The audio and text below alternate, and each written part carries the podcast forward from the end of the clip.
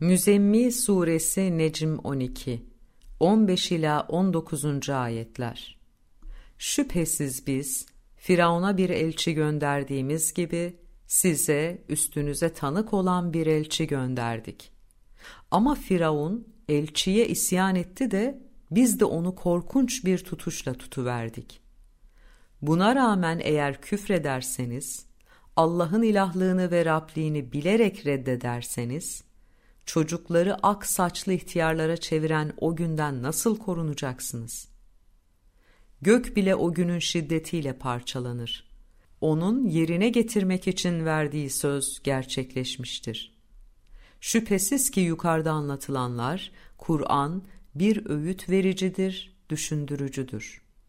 Onun için dileyen Rabbine doğru bir yol edinir.''